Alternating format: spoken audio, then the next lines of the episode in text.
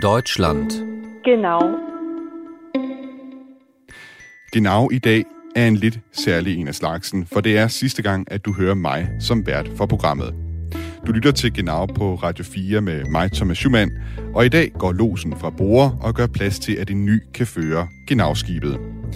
Jeg præsenterer programmets nye vært lige om lidt, og så skal vi ellers se tilbage på, hvordan Tyskland har forandret sig siden Genau startede for tre år siden og frem til i dag.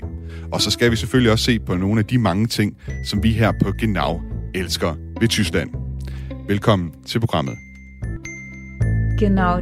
Genau. Genau. Og Mirko Reimer Elster, velkommen til Genau også til dig. Vielen Dank. Du er USA og Tysklands analytiker på TV2, og du kommer fra Tyskland. Man kan høre din øh, fine tyske udtale her i Vielen Dank. Og fra i næste uge, der kan du så skrive en ny ting på dit øh, CV, nemlig vært på Genau her på Radio 4. Hvordan har du det med det? Øhm, en blanding af spændt og meget ambivalent. Hvorfor det? Hvorfor ambivalent? Jamen ambivalent, fordi, øh, det kan du nærmest godt regne ud, øh, Thomas. En ting er, at det er jo, øh, det er jo store sko, øh, jeg skulle udfylde i forhold til det fornemme arbejde, du har gjort med flinkt sagt. Genau øh, og, og resten af holdet bag. Selvfølgelig også, det skal man jo aldrig glemme i, i mediebranchen, at der er jo dem, der apropos står øh, oppe på skibet, og så er der jo også dem, der er nede i maskinrummet, der får det hele til at fungere.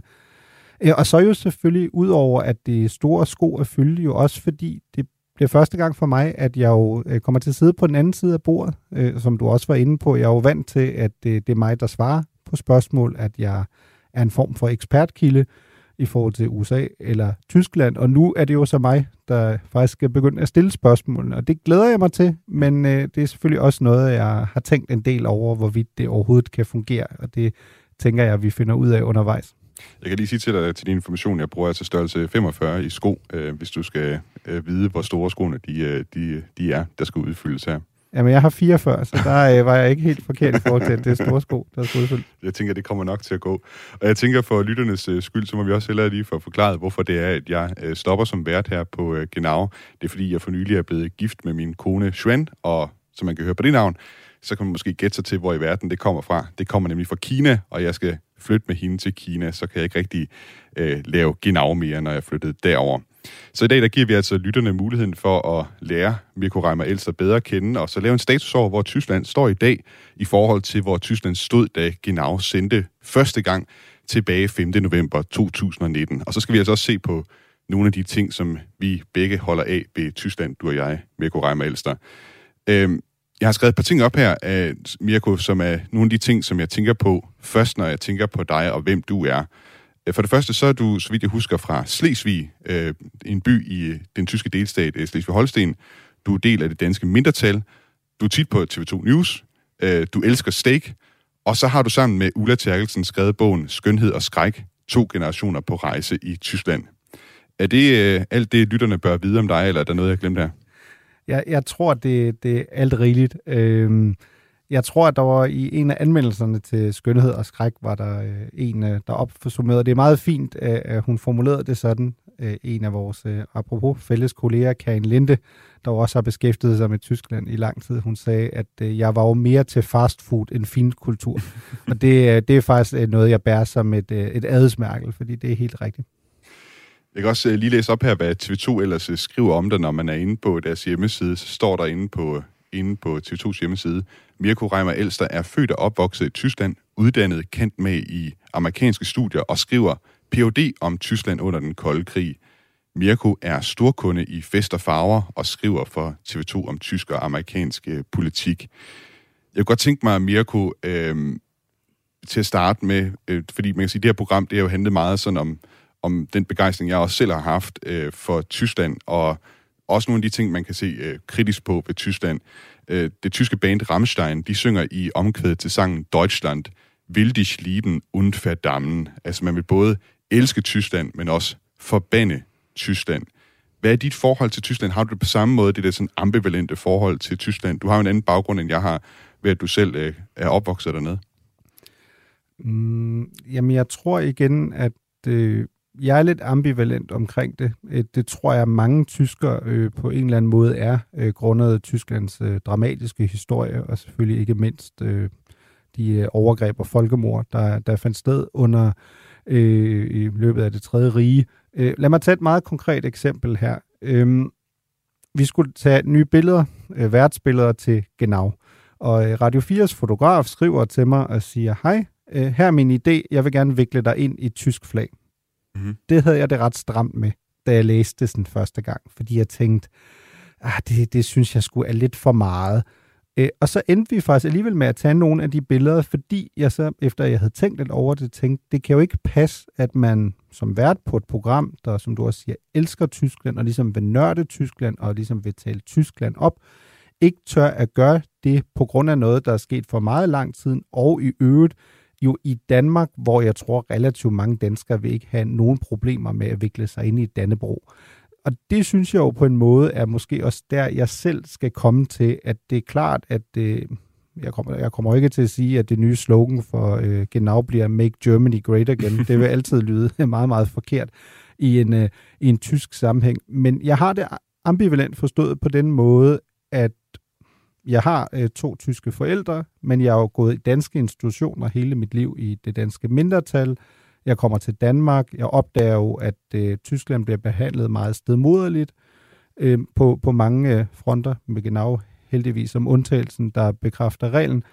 Og ender jo faktisk, eller starter jo faktisk min karriere øh, i det amerikanske, fordi jeg kan se, at interessen for USA er så stor. Og mit øh, spinkle håb er selvfølgelig, at vi en dag når et sted hen, hvor et Tyskland fylder lige så meget og bliver behandlet lige så entusiastisk, som man gør det med USA. Og det er jo også blandt andet derfor, jeg så selv øh, inden for de seneste år har valgt at kaste mig ind øh, lige præcis på det tyske, fordi jeg ligesom føler, at så bliver jeg måske også nødt til at gøre min meget lille del til, at øh, der er mere fokus på Tyskland og Tyskland på den måde så er jeg meget øh, tryg ved at give øh, stafetten øh, videre til dig. Og man kan sige, det du er inde på her, sådan det der ambivalente forhold, som mange tyskere har i forhold til deres historie, det er også noget, vi har dækket her på Genau.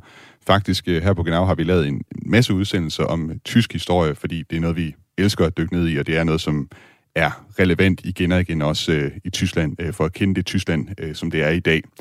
Faktisk den allerførste udsendelse, vi lavede den 5. november 2019, det var i samme uge som 30-året for murens fald. Øh, udsendelsen den hed Sporene efter et opdelt Tyskland, og vi brugte lejligheden til at ringe til tilfældige tyskere i Berlin for at høre, hvordan de huskede den historiske aften, da muren faldt. Og her der fik vi fat i Uwe Møller. Ich war zu Hause und habe auf dem Balkon gestanden und den Jubel und Trubel zugeguckt. Äh, ich wollte Dengang i 1989, der var Uwe Møller blot 10 år og boede i Østberlin. Han kan huske, hvordan han stod op på balkongen og kunne se de østtyske biler strømme mod muren. Altså de østtyske biler af den her type Trabant, som er blevet så kendt sidenhen.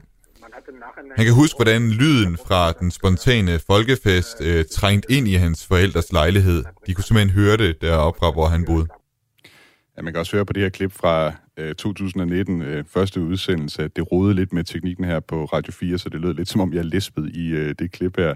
Men jeg synes, øh, øh, det her klip et eller andet sted er, er vildt, at øh, i første udsendelse ringede vi til tilfældige numre i Berlin, og så kan man altså ringe nogen op, som har haft øh, historien helt øh, tæt inde på kroppen. Det, det er et tip til dig også, Mirko, øh, til når du skal lave øh, genau. Det her med at bare gå ind på Das Örtliche øh, telefonbogen, og så ellers bare ringe. Nej, men det er en fremragende øh, idé, og som du også siger, altså, det er vel egentlig også meget tysk, altså at starte et program med, at der er lidt knas med teknikken og sådan noget. Det er jo, på den måde er det jo meget autentisk også, synes jeg. Det er godt, du ser sådan på det. Øh, den her historie om øh, Østtyskland, det er noget, som er blevet ved med at optage også her på redaktionen. Og tilbage i oktober 2020, der lykkedes det os faktisk at få et interview med Hans Modrov, som er Østtysklands sidste kommunistiske ministerpræsident. Det var en udsendelse, som hed De sidste dage i DDR, og der, her der fik vi historien om, hvordan DDR's nationalsang for sidste gang blev spillet for Hans Modrup under et statsbesøg, han var på i Japan i DDR's sidste dage. Alle standen auf, die Hymnen wurden gespielt, alle klatschten und verneigten sich. Das war mein Abschied von der DDR, etwas bitter og nah an den Alle rejste sig, melodien blev spillet, alle klappede og bukkede, og det var min afsked med DDR, en smule bittert, og tårerne pressede sig på. Jeg synes, det er vildt det der med, hvordan man altså kan finde øh, folk, som har oplevet de her voldsomme øh, skift, og, og så også øh, få dem i tale øh, til sådan et program her. Faktisk sådan øh, lidt øh, lignende, så lavede vi en udsendelse tilbage i maj 2020, hvor det handlede om dagene op til og efter Tysklands kapitulation i 2. verdenskrig. En udsendelse, som vi kaldte et befriende nederlag. Og her der fik vi fat i Theo Sommer, der er tidligere chefredaktør på den store tyske avis Die Zeit. Da de allierede styrker rykkede ind i Tyskland i 1945, der var Theo Sommer 15 år og gik på Adolf Hitler Schule i det sydlige Tyskland. Es war uns eigentlich klar, äh, seit, äh, sagen wir, März Allerede i marts 1945 stod det også klart, at krigen ikke længere kunne vindes, at den var tabt. Om vi ville overleve krigen, eller om vi i den sidste kamp skulle dø for føreren, det vidste vi ikke. Leben würden oder ob wir im Endkampf für den Führer noch sterben durften, das wussten wir nicht. Jeg kan for øvrigt sige, at uh, Theo Sommer, som vi hørte fra her, han er forresten død i august i år. Så de her historier, som man uh, kan få fra øh, den tyske historie, de er altså også ved at forsvinde i takt med, at folk de, uh, bliver gamle og, og dør, dør ud. Øh, Mirko Reimer Elster, du var inde på, at øh, det var ambivalent, du havde en overvejelse i forhold til det her med at svøbe dig ind i det tyske flag på grund af den tyske historie. Hvor meget vil du sige, at den tyske historie påvirker dig? Mm, den påvirker mig jo mest, og har påvirket mig mest, efter jeg forlod øh, Tyskland. Øh, fordi man jo, når man kommer uden for Tysklands grænser, eller taler med udlændinge, bliver konfronteret med den. Øh, jeg havde meget øh, voldsom oplevelse, da jeg startede på historiestudiet på Københavns Universitet i øh, 2009, hvor jeg til den første fredagsbar falder i snak med en medstuderende, der jo så undervejs finder ud af, at jeg kommer fra Tyskland, og som så siger til mig, om jeg ikke skammer mig over at være tysk. Og det er første gang i mit liv, at jeg faktisk bliver konfronteret med det spørgsmål. Jeg er 23 år på det tidspunkt, og vedkommende bliver nødt til at gentage spørgsmålet tre gange, fordi jeg faktisk til at starte med ikke forstår, hvad hensydningen er. Øh, og jeg tror, anden gang siger jeg så sådan lidt med et glimt i øjet, om det er, fordi vi har sokker i sandaler. Altså sådan en typisk kliché om tysker, og derefter kigger vedkommende meget alvorligt på mig og siger, nej, på grund af det, dit folk har gjort. Og det slog mig alligevel, at det synes jeg var ret vildt. Øh, ikke fordi jeg ikke vidste, at der var et særligt ansvar ved at være tysk, øh, nærmest uanset hvornår du er født. Jeg er født i 1986, så jeg kan nærmest ikke huske et Tyskland, der har været delt. Men også fordi, at det er vildt nok, at der øh, stadig jo, det her tilfælde jo en åbenlyst øh, begavet menneske, ligesom talt ind i den der fortælling om, at jeg skulle ligesom lidt skamme mig, fordi jeg var jo tysk, og der var ligesom groft sagt en direkte linje, der gjorde, at jeg stadig havde sådan et, øh, du skal skamme dig ansvar. Det synes jeg var ret vildt øh, at opleve, fordi jeg aldrig havde mødt det, det før i mit liv. Den her, de her oplevelser, du har haft med danskernes, eller folk i Danmarks øh, syn på Tyskland på den her måde, altså jeg kan sige, det er jo også noget, som jeg selv øh, støder på en gang imellem, når det er, at vi sender genau, at der er folk, der skriver ind med sådan lignende øh, ressentiment i forhold til, til Tyskland og, og, og tysk, øh, tysk historie. Hvordan, er det noget, du, du kunne finde på at bruge i din øh, udsendelse, når du skal lave, øh, lave genau, den oplevelse, du har her?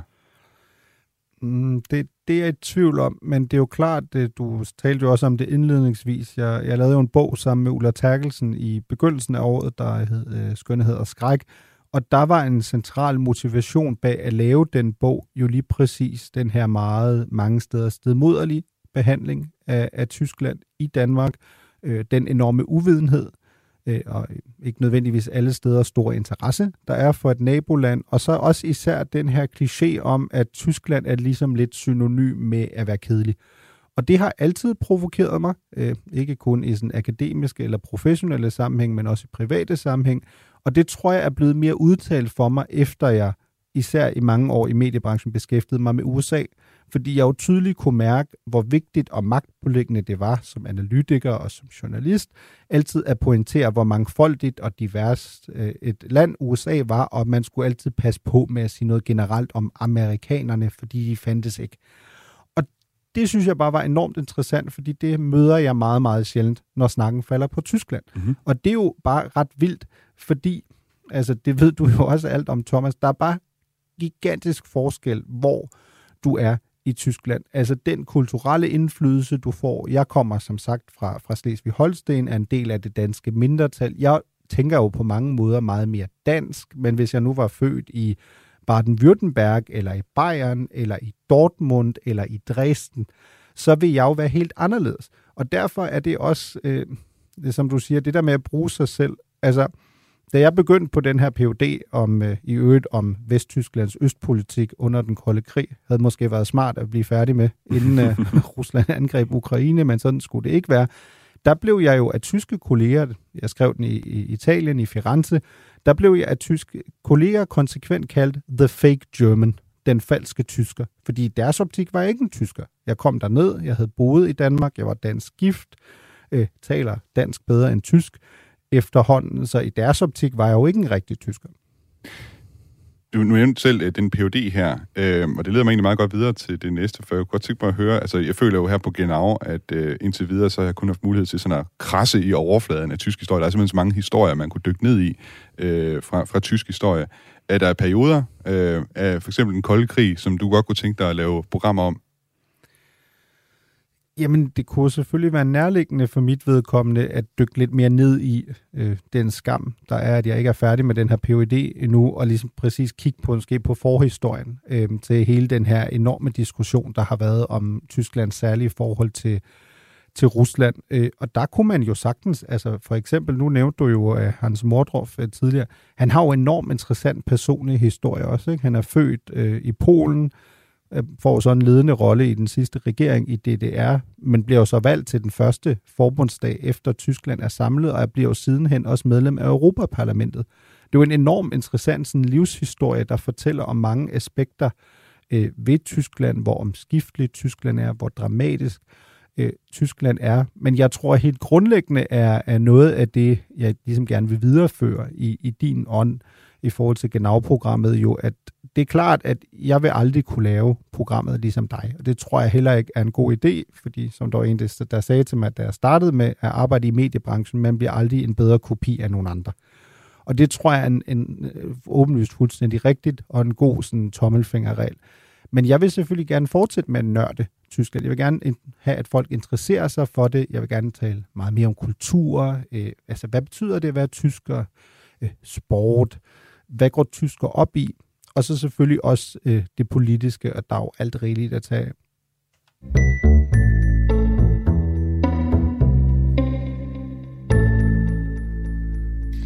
Apropos den her snak om tysk historie, øh, så er det som noget, jeg nævnte før, det er noget, som stadig kaster skygger over Tyskland øh, den dag i dag. Og det er noget, vi også øh, her på Genau i, gennem min tid som vært har kigget meget på. Særligt i forhold til, hvordan øh, historien spiller en øh, rolle i tyskernes holdning til magt og militær. Det er noget, vi har set også øh, præge Tyskland efter Putins invasion af Ukraine. Allerede i januar 2020, der lavede vi en udsendelse, som man kan sige på mange måder stadig er relevant i dag og sjov at dykke ned i. Den hed øh, Tyske muskler i verdenspolitikken, og vi undersøgte, om Tyskland ville øh, altså tage mere lederskab i en verden, der på dengang var mest alt præget af Trump og Brexit. Dengang der talte vi med Jana Puglirin, leder af Europaafdelingen på Deutsche Gesellschaft für Auswärtige Politik, og vi spurgte hende, om Tyskland altså stod til at ruste mere op. Gesagt haben, wir machen nicht mit. Hun mener, at problemet ofte har været, at Tyskland har erklæret sig enig med sine allierede og venner i verdenspolitikken, uden så selv at bidrage med noget som helst. Partnerne i NATO og EU kritiserer ofte Tyskland for, at man afholder sig fra militært engagement og i det hele taget mangler militær erfaring. Derfor synes Jana, at det er rigtigt, når Annegret Kramp-Karnbauer siger, at der er brug for flere penge til at bringe det tyske militær i orden. Men det store problem er, at den tyske befolkning er yderst kritisk over for tysk militært engagement, og derfor er der mange politikere, som slet ikke tør tale om det. Ja, dengang der hed øh, den tyske forsvarsminister, altså Annegret Kramp-Karnbauer, og øh, det her emne om tyske muskler i verdenspolitikken, det er som sagt det, der er blevet ved med at være, være aktuelt. Øh, ikke mindst da Tyskland og de andre vestlige magter sidste år trak sig ud af Afghanistan og overlod magten til Taliban. I udsendelsen var snuen Afghanistan fra august 2021, der talte jeg med den tyske krigsveteran Wolf Grigis, som blandt andet fortalte om en oplevelse, han havde, hvor han fik en meget klar besked fra nogle soldaterkammerater fra England, USA, Frankrig og Italien. Wir wissen alle, ihr seid keine Nazis mehr, aber ihr seid ein starkes Land in Europa. Wir brauchen euch hier. Wir brauchen eure Kräfte. Wir brauchen euren Einsatz. Was da mal war, das interessiert uns nicht mehr. Das heißt altså, der er eben der konflikt der, de internationale... Vi ved godt, at I ikke længere er nazister, men I er et land i Europa, og vi har brug for jer. Vi har brug for jeres kræfter. Vi har brug for jeres indsats. Fortiden interesserer os ikke længere. Vores internationale partnere ser os om, som en stærk partner, men indrigspolitisk skal vi hele tiden forholde os til det gammeldags billede af tyske soldater. Så kom så øh, i år Putins invasion af Ukraine, som har skabt det, øh, man i Tyskland kalder et Seidenwende, altså et øh, vendepunkt i tysk politik i forhold til øh, militære øh, investeringer. Øh, man besluttede sig for, at man vil investere øh, 100 milliarder euro i en sondervermøgen øh, til, til det tyske militær. Man vil også op på de 2% af, af BNP, som er målet inden for NATO's øh, medlemslande. Øh, og det var altså noget, som øh, Olaf Scholz han øh, stod på mål for, og også fik bifald for i den tyske forbundsdag. Diese neue Realität erfordert eine klare Antwort. Wir haben sie gegeben.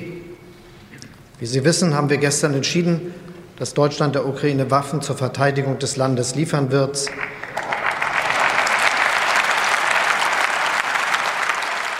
Ja, altså bifald til, at man vil levere våben til et land, hvor der foregår krig, er noget, som var fuldstændig utænkeligt øh, i tiden øh, op til øh, den her øh, invasion, som, som kom.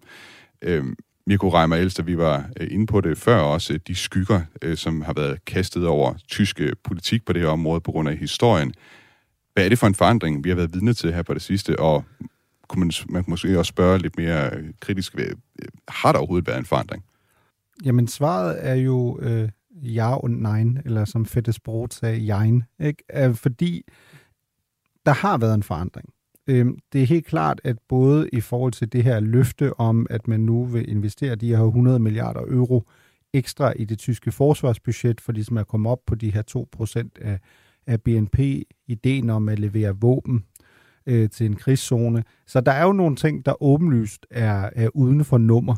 Og så er vi jo tilbage til vores evige snak om tyskerne og historien. Det er jo også et opgør med den her traditionelle idé om, at Tyskland kan ikke involvere sig i relativt store dele af Europa, fordi det er der, det tredje øh, lands øh, nazister, eller tredje riges øh, nazister havde havet.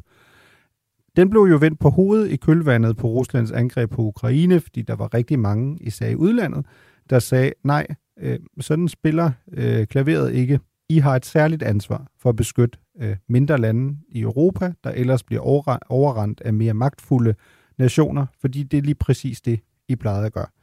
Det synes jeg som historiker er sindssygt interessant. Altså at den der med, hvordan man kan bruge øh, historien øh, nutidigt. Og jeg synes, der er jo en faktisk lidt en pendant til det her fra 2011, hvor den daværende polske udenrigsminister Radoslav Sikorski holder en meget bemærkelsesværdig tale i Berlin. Det handler så dengang om at redde euroen i øh, kølvandet på den græske gældskrise, og der siger Sikorski, jeg er nok den første polske udenrigsminister, der kommer til at sige det her, men jeg frygter tysk inaktivitet meget mere end tysk magt. Underforstået, Tyskland er så stor og magtfuld en nation, og så bliver man også nødt til at agere lige præcis efter den målestok og efter hvor stor og magtfuld man er. Man kan groft sagt ikke gemme sig bag fortiden. Det er ja. jo på den ene side lidt det, vi oplever nu i forhold til Ukraine. Men så er der jo selvfølgelig et øh, meget stort arbejde. Jeg kommer jeg bliver næsten nødt til at spørge dig bare sådan helt kort, uh, Mikko med altså, uh, altså nu USA, indtil videre USA og Tysklands analytikeren her. Uh, ser du det ligge i kortene, at Tyskland uh, påtager sig det der lederskab, som Sikorski han, uh, han uh, efterlyste? Jamen på nogle områder i, uh, i EU-sammenhængen, der har Tyskland jo påtaget sig det ansvar. Det store spørgsmål bliver, om Tyskland vedvarende kommer til at gøre det også i et militært øh, omfang. Fordi der øh, er det klart, der vil historien altid sidde med ved forhandlingsbordet, hvilket vi jo også jævnligt mm. bliver mindet af, blandt andet ved, at selv samme polakker, øh, som jeg her, øh, ligesom der brugte jeg Sikorski øh, som eksempel, men altså mm. nuværende polske regering har jo også lagt sag an mod, den, mod Tyskland for at betale øh, krigsskadereparationer øh, på grund af 2. verdenskrig. Mm. Og der er vi jo tilbage til, at når man kan hive det kort frem i andre lande af vil jeg tro som lægmand, øh, lidt indrigspolitisk opportune årsager, så er det jo ikke øh, særlig langt væk. Klokken den nærmer sig 10.30, og øh, det betyder, at vi skal gøre plads til et øh, nyhedsoverblik her på Radio 4.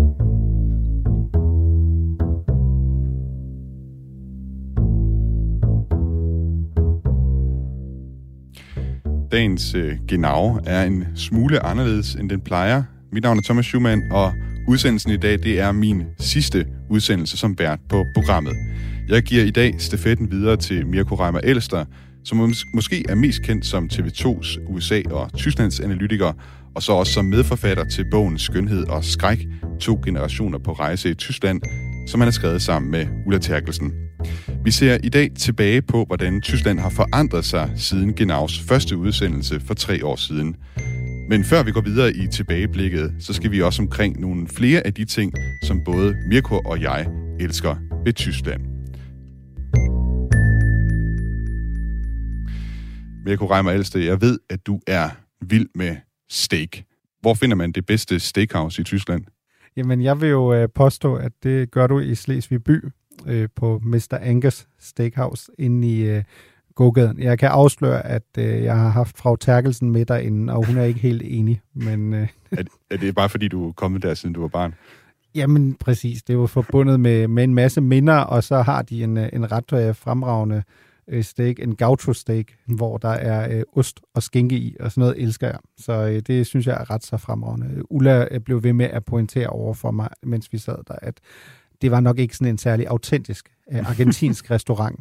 Øh, men nu har jeg aldrig været i Argentina, så det øh, vil jeg overlade hende til at bedømme. Vi har her øh, på Genau lavet en del udsendelser, der handler om, hvad man kan stoppe i munden i øh, Tyskland. Og det, som øh, fascinerer mig rigtig meget, det er, hvor stor stolthed man tit møder i Tyskland den dag i dag omkring øh, godt håndværk, når vi taler om for eksempel pølser, øl, brød og kager. For eksempel så blev jeg ret overrasket over, at der i øh, den østtyske by Dresden hvert år afholdes en kæmpe stor byfest til ære for en helt bestemt kage. Mikko Reimer, så ved du, hvad det er for en kage, jeg her taler om? Nej, der må jeg øh, afsløre min øh, uvidenhed. Så kan jeg oplyse dig om, at det er Stollenkagen. Og det er altså en øh, julekage, som kun bages i november og december. Det er, kan man sige, Saxens udgave af honningkagen. Det var altså også en øh, overraskelse for mig. Jeg anede ikke noget om det, før vi lavede en udsendelse om det. Jeg kan sige, at kagen er sådan en tung kage med fyldig dej. Der er masser smør i, masser af sukker og mandler, citron, mandarinskaller og rosiner. Og den her fest, man afholder hvert år i øh, Saks, Sachs, øh, i Dresden, undskyld, øh, den store Stollenfest, som det hedder, det afholdes altså lørdagen før den anden advent i december. Og festen foregår sådan, at en flere tons tung stollenkage, jeg tror, jeg hørte øh, på et tidspunkt tallet, det var 3,8 tons eller sådan noget, øh, det, det er en kage, som byens bager laver, og som så bliver kørt gennem byen og så skåret for af stollenpigen med en stor kniv, der senere bliver udstillet. Vi lavede en udsendelse, der hed Genau elsker det tyske bagværk i august 2021, hvor vi talte, vi talte med den lokale bager Andreas Wibler fra Dresden. Wir haben äh, circa um die 80 bis 100.000 Zuschauer zu diesem Fest. Also am der Festumzugsstrecke Øh, der kommer mellem 80 og 100.000 tilskuere til Stollenfest, og selve optoget varer omkring en time, og kagen bliver kørt igennem byen, forbi de kendte bygninger i byen, og ender altså på Stritzelmarkt i byens centrum. Mellem 80 til 100.000 mennesker, der møder op for at se en kage køre gennem byen, det synes jeg godt nok er vildt. Men det siger jo altså også noget om, om sådan tyskernes øh, glæde ved, ja, i hvert fald ved stollen, men måske også øh, håndværket i virkeligheden. Har du oplevet sådan øh, lignende fester i Tyskland til ære for sådan øh, medhåndværk? Nej, ikke øh, på den måde, men det er jo enormt interessant, fordi det, det minder mig om, at øh, Ulla og jeg var, var faktisk i Dresden i, i december øh, 2021, i forbindelse med, med tilblivelsen af, af skønhed og skræk. Og det var jo et, et helt andet Dresden, ikke? på grund af corona, som var fuldstændig nedlukket. Det traditionelle julemarked i Dresden, som jo også er meget kendt, øh, det var der ikke særlig meget af. Restauranterne øh, skulle lukke øh, på bestemte tidspunkter. Man måtte kun bo på hoteller, mens man, hvis man ligesom var der for at arbejde og sådan nogle ting. Men det er jo, som du siger, og det er jo noget af det, jeg også virkelig har opdaget, efter jeg flyttet fra Tyskland, at jeg, den er enormt glæde ved, ved tyske mad. Øh, for eksempel sådan et konkret eksempel øh, her i morges, da jeg så trisser ind i studiet, øh, og så er sådan nærmest blevet sådan helt fordansket, fordi jeg går ind i en bager, og så siger jeg, hej, jeg vil gerne have et rundstykke, som gerne skal være smurt med noget ost. Altså, der græder mit tyske hjerte jo indvendigt hele tiden, fordi jeg jo er vant til, hvis jeg boede i Tyskland, at jeg kunne gå ind i en bager, og så kunne jeg vælge mellem, jeg ved ikke hvor mange beligte brødchen, hvor der kunne være salami på, eller frikadelle, eller andet muligt andet i øvrigt til halvdelen af, hvad jeg så har givet for det der øh, lidt sølle øh, oste, ostemad der. Og det er jo noget af det, jeg virkelig savner, og jeg har stadig en ambition om, at hvis det en dag øh, går fuldstændig ned ad bakke i, i mediebranchen, så kommer jeg altså til at åbne en butik et eller andet sted, hvor jeg sælger øh, fiskerundstykker. Fordi jeg kan simpelthen ikke forstå, at man i et land som Danmark ikke, ikke gør det. Altså det er fuldstændig oplagt øh, businessmulighed. Så, øh, så laver jeg øh, måske ikke løvens hule, men øh, sildens hule, og så laver jeg det. Der, der må jeg være meget uenig med dig, Mirko Reimer Elster. Øh, men det er måske fordi, du er sydslesviger, men jeg har også øh, tilbragt noget tid i, i Sydslesvig, da jeg arbejdede på Flensborg Avis, og jeg kan ikke forstå ideen med at putte sild på rundstykke. Øh, der, der, der tror jeg, vi er meget uenige på, på det punkt der. Det er også meget tysk. Det er et meget godt uh, udtryk for, at man også kan have mange uh, stærke holdninger til uh, lokale og regionale madtraditioner. Ja. Jeg kan så sige, at min favorit uh, blandt de her rundstykker, som jeg så har savnet faktisk i Danmark, og jeg mener, jeg havde ikke troet, at det skulle være noget, jeg, jeg ville give at sætte tænderne i, det er altså et mætbrødchen. Uh, for lytterne, der ikke ved det, uh, hvad det er, så er det altså et rundstykke med rå, hakket svinekød på, og så rå løg ovenpå også, men jeg synes, det smager fantastisk. Er det en øh, favorit blandt, øh, hos dig?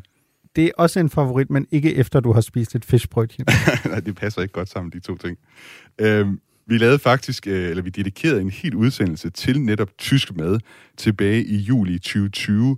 Og her der så vi også på, hvordan den store tyske forfatter Günther Grass har skrevet om mad.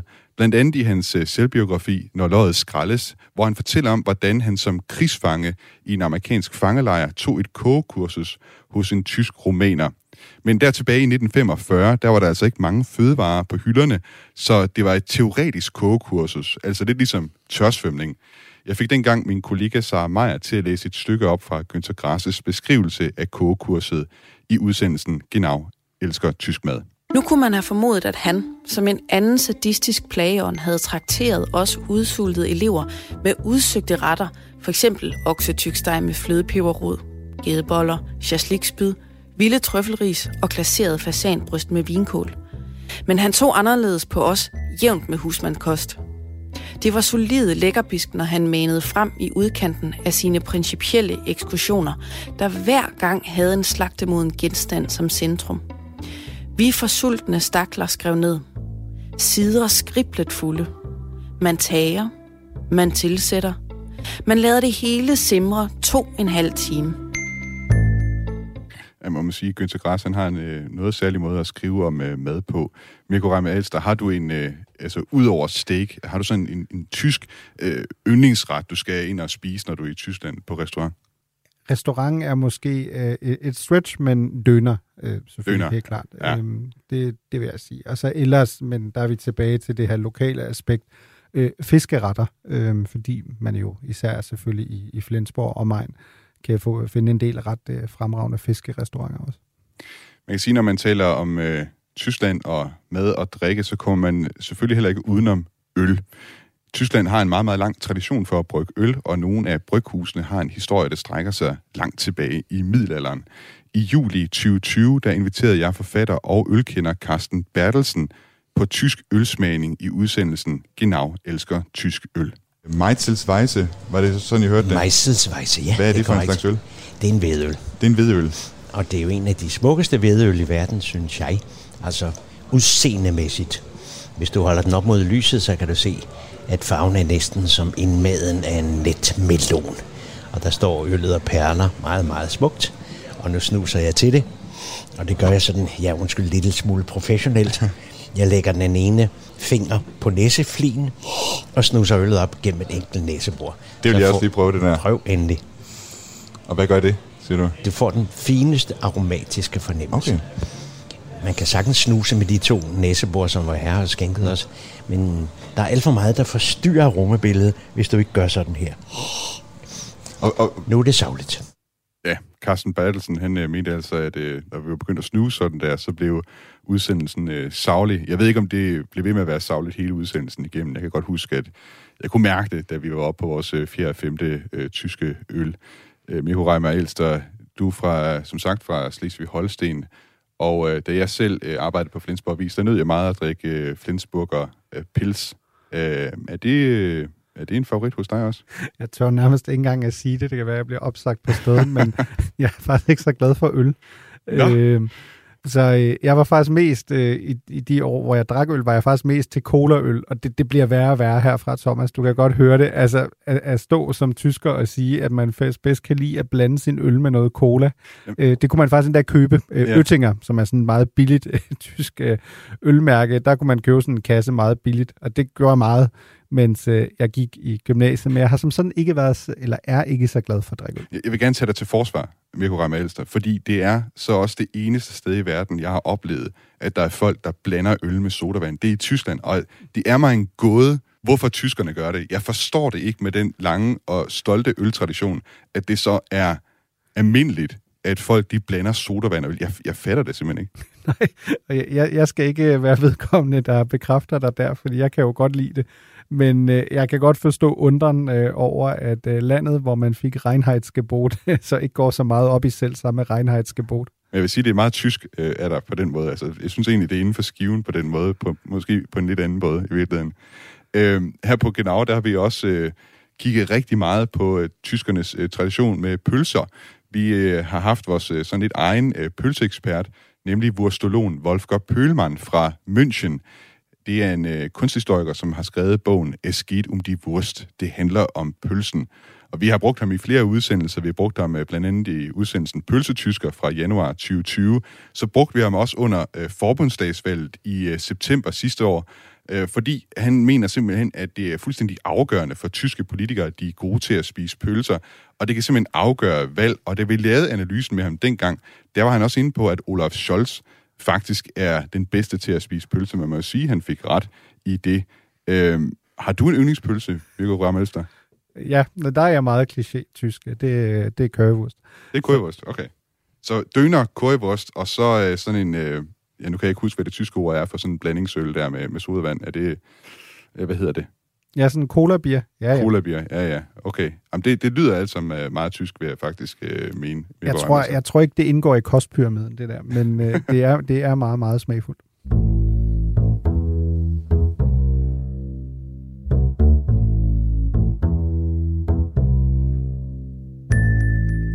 Vi skal se lidt mere på, uh, hvordan Tyskland har forandret sig i de tre år, hvor det er, jeg har været vært her på Genau.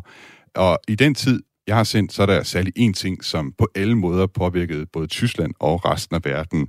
Og selv på Genau, der måtte vi være lidt kreative for at kunne fortsætte med at sende radio under den her særlige øh, periode. Den 24. marts 2020, der lød det sådan her i Genau. Goddag og velkommen til en noget særlig udgave af Genau med mig, Thomas Schumann.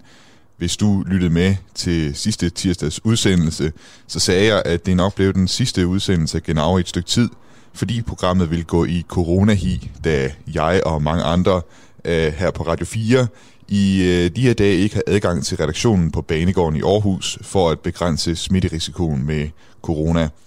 Men jeg har imidlertid fået noget udstyr, så jeg nu kan køre et hjemmestudio og fortsætte med at lave genau Lydkvaliteten, den er måske ikke helt den, som du er vant til, men altså, jeg håber, at du kan bære over med mig i den her situation. Jeg sidder lige nu på min altan i Aarhus og nyder solen og kigger ned over det program, jeg har til jer i dag.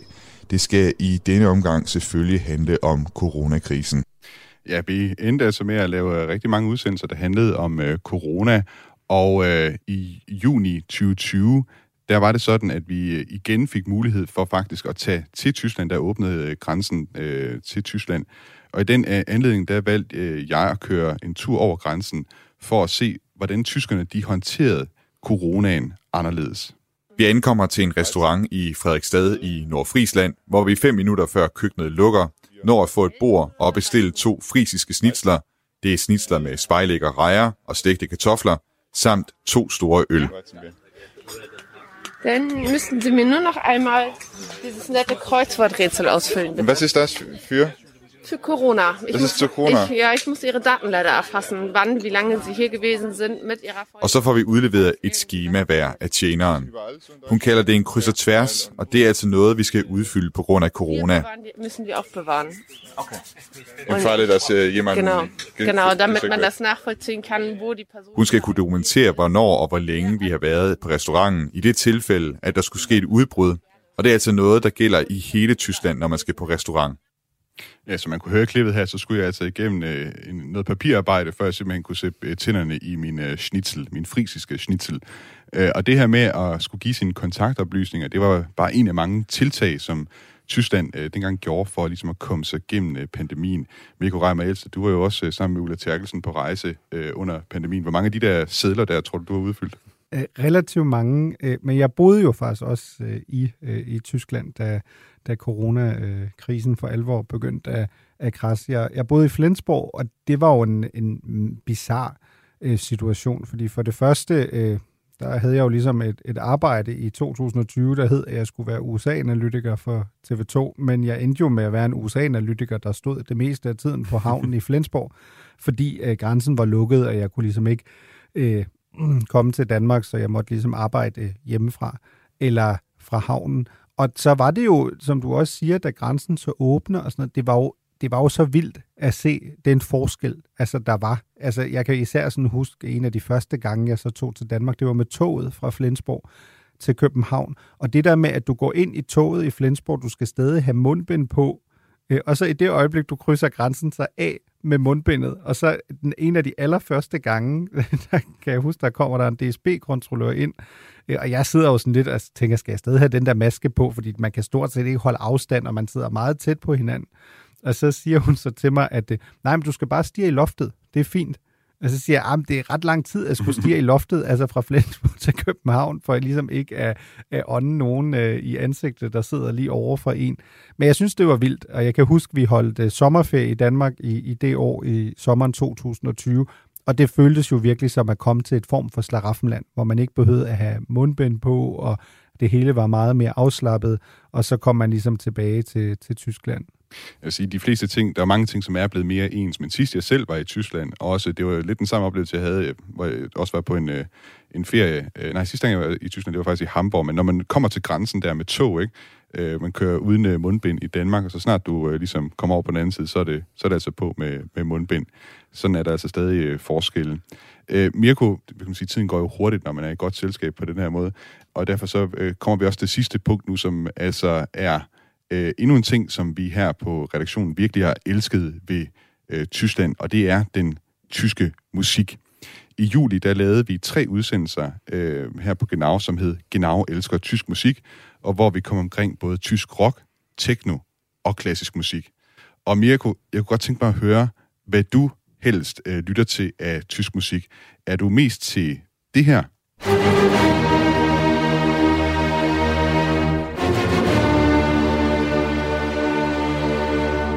Eller er du mere til det her?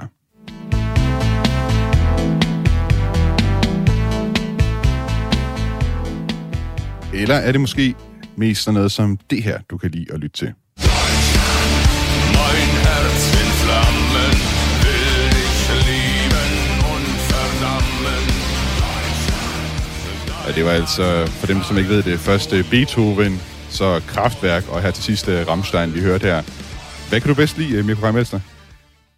Jamen, jeg kan jo faktisk mest lide hiphop, så jeg er jo så glad for, at du faktisk ikke har lavet Genau elsker tysk hiphop udsendelsen endnu, fordi det betyder jo, at jeg på et tidspunkt kan, kan kaste mig over den. Øh, og jeg skal nok lade være med at prøve at efteræbe øh, en eller anden form for tysk hiphop nu. Øh, jeg vil afsløre, at jeg i min unge dame havde et rappernavn. Det var ikke særlig kreativt. Jeg hed MC Rhymer.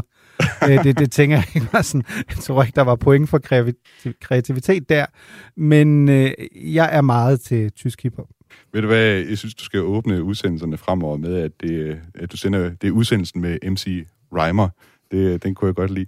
Øh, jeg var faktisk øh, snydt lidt øh, Mikro Mals, jeg var inde og kigge i, i bogen, øh, som du og med Ulla Terkelsen har skrevet, der anfører du også, hvad du øh, rigtig godt kan lide af tysk musik. Du kan for eksempel godt lide sådan noget som det her. Und seine Mutter hat es immer gewusst, aus dir wird nichts mehr, aus dir wird nichts mehr. weiter noch lebe für den Triumph. Was für Mitte der Gesellschaft, ich geb nichts auf ihre Gunst. Niemand dachte, dass ich hochsteigt wie ein Heliumballon. Die Bonzen Kinder pumpen. Og det er altså rapperen Cool Savas med nummeret Deine Mutter, som jeg kunne se øh, fra øh, bogen, du skrev sammen med Ulla Terkelsen, øh, er noget af det, du ynder at lytte til. Øh, hvis vi skal tage bare en smule hul på den der udsendelse om øh, tysk hiphop, hvem er Cool Savas så, og hvorfor kan du lide ham? Jamen, øh, jeg vil jo, jeg er jo øh, ikke helt objektiv her, jeg vil jo påstå, at øh, Savage med, med afstand er Tysklands øh, bedste rapper. Øh, jeg vil så også, apropos Dine Mutter, afsløre, at min mor engang sagde til mig, hun havde det meget anstrengt med, at, øh, at jeg lyttede så meget til hiphop, og så kiggede hun på mig og sagde, jeg kan ikke forstå, at et så begavet menneske lytter til så primitiv musik.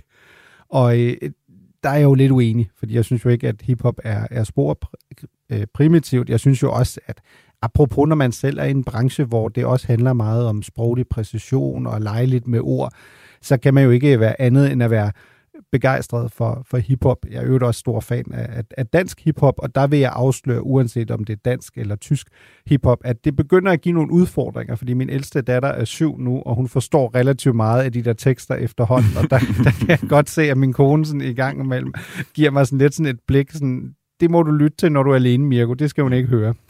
Mener du, at øh, tyskerne de kan noget med musik, som, som vi ikke helt på samme måde kan have i Danmark? Nu bliver jeg meget upopulær, men tyskere kan jo generelt meget mere end danskere på rigtig mange punkter. Og det har jo noget at musik er en af dem i, i, min, øh, i min optik. Øh, mad er en anden. Men det har jo noget at gøre med, at Tyskland selvfølgelig har en meget rig historie. Øh, land der dichter und denker, ikke? Apropos.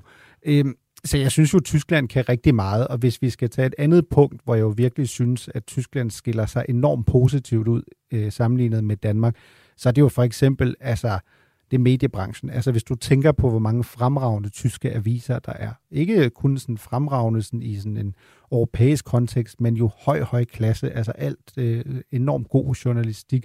Så jeg synes, øh, Tyskland kan meget. Øh, så er der også fodbold, så lader vi være med at tale om 92 selvfølgelig i, i den sammenhæng, men jeg synes, Tyskland kan rigtig meget, øh, og jeg synes, det er en skam på mange punkter, at øh, Tyskland bliver behandlet så stedmoderligt. Vi var inde og kigge på, øh, hvilken tysk musiker, der så at sige er den øh, mest populære, og vi valgte sådan at måle det ud fra, hvem, hvilken tysk musiker, der har fået øh, down, altså flest downloads øh, på Spotify. Hvem vil du gætte på, det var? Øhm, åh, hvem kunne det være? Øhm, b- b- b- Nina Hagen? Ja, det kunne, man, det kunne man godt have troet, men det er det ikke. Øh, man kan sige, øh, jeg var selv overrasket over at høre, at det var øh, det her nummer, som øh, faktisk er det, der er blevet downloadet mest.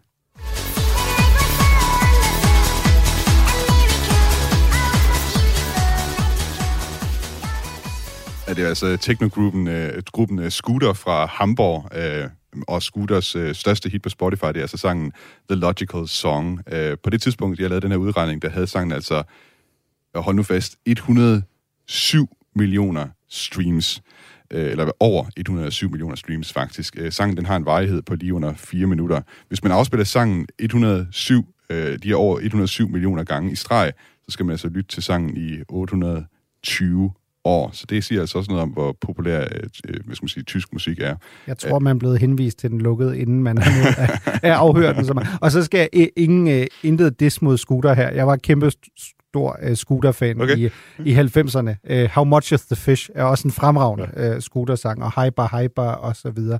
Uh, når man er, er vokset op i Tyskland i 90'erne, er det, er det svært ikke også lidt at være en tekno-tysker, så det er også.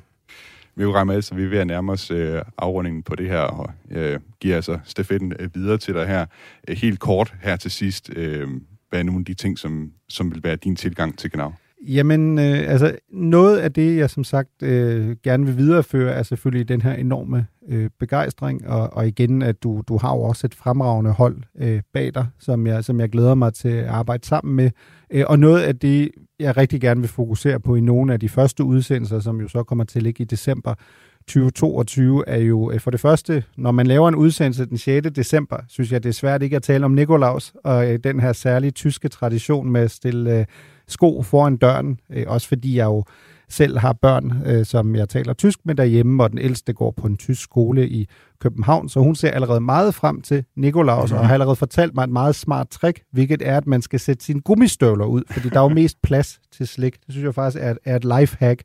Og så apropos øh, musik, så kommer der jo faktisk et nyt album fra Nina Hagen den øh, 9. december, det første i 10 år. Og det synes jeg umiddelbart er en kærkommen anledning til at tale om, øh, hvem er Nina Hagen, hvad for et fænomen er hun i Tyskland, hvorfor betyder hun øh, så meget for øh, tyskler, tysker, uanset om det er almindelige tysker eller Angela Merkel, og så er der jo alt det, det politiske også. Ikke? Et år Olaf Scholz regering, der kommer til at være rigeligt at tale om øh, VM i fodbold. Jeg tror ikke, at vi løber tør for emner lige forløbig, ligesom du jo overhovedet ikke heller gjorde det i de tre år, du var vært for programmet.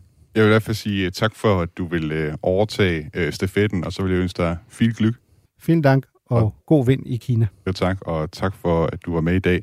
Og så er der ikke andet for mig, end ellers bare at sige uh, tak. Tak til alle, så, alle jer, som har lyttet med til programmet, mens jeg har været vært. Tak for alle de flinke beskeder, som jeg har fået fra folk, som er glade for Genau. Og tak til Radio 4 for at give mig muligheden for at lave programmet. Det er første gang, jeg har prøvet at være radiovært. Og så selvfølgelig tak til alle mine gode kolleger, som har hjulpet mig med at lave programmet her igennem de her sidste tre år. Programmet i dag var tilrettelagt af Lasse Lindholm, redaktør af Dorte Lind. Mit navn er Thomas Schumann, og hvis du kan lide Genau, så vil jeg anbefale dig at gå ind og downloade Radio 4's app og trykke på følg ud for Genau. Du kan også øh, skrive til mig, eller skrive ind til redaktionen på genau radio4.dk. Tak fordi du lyttede med. Auf Wiederhören.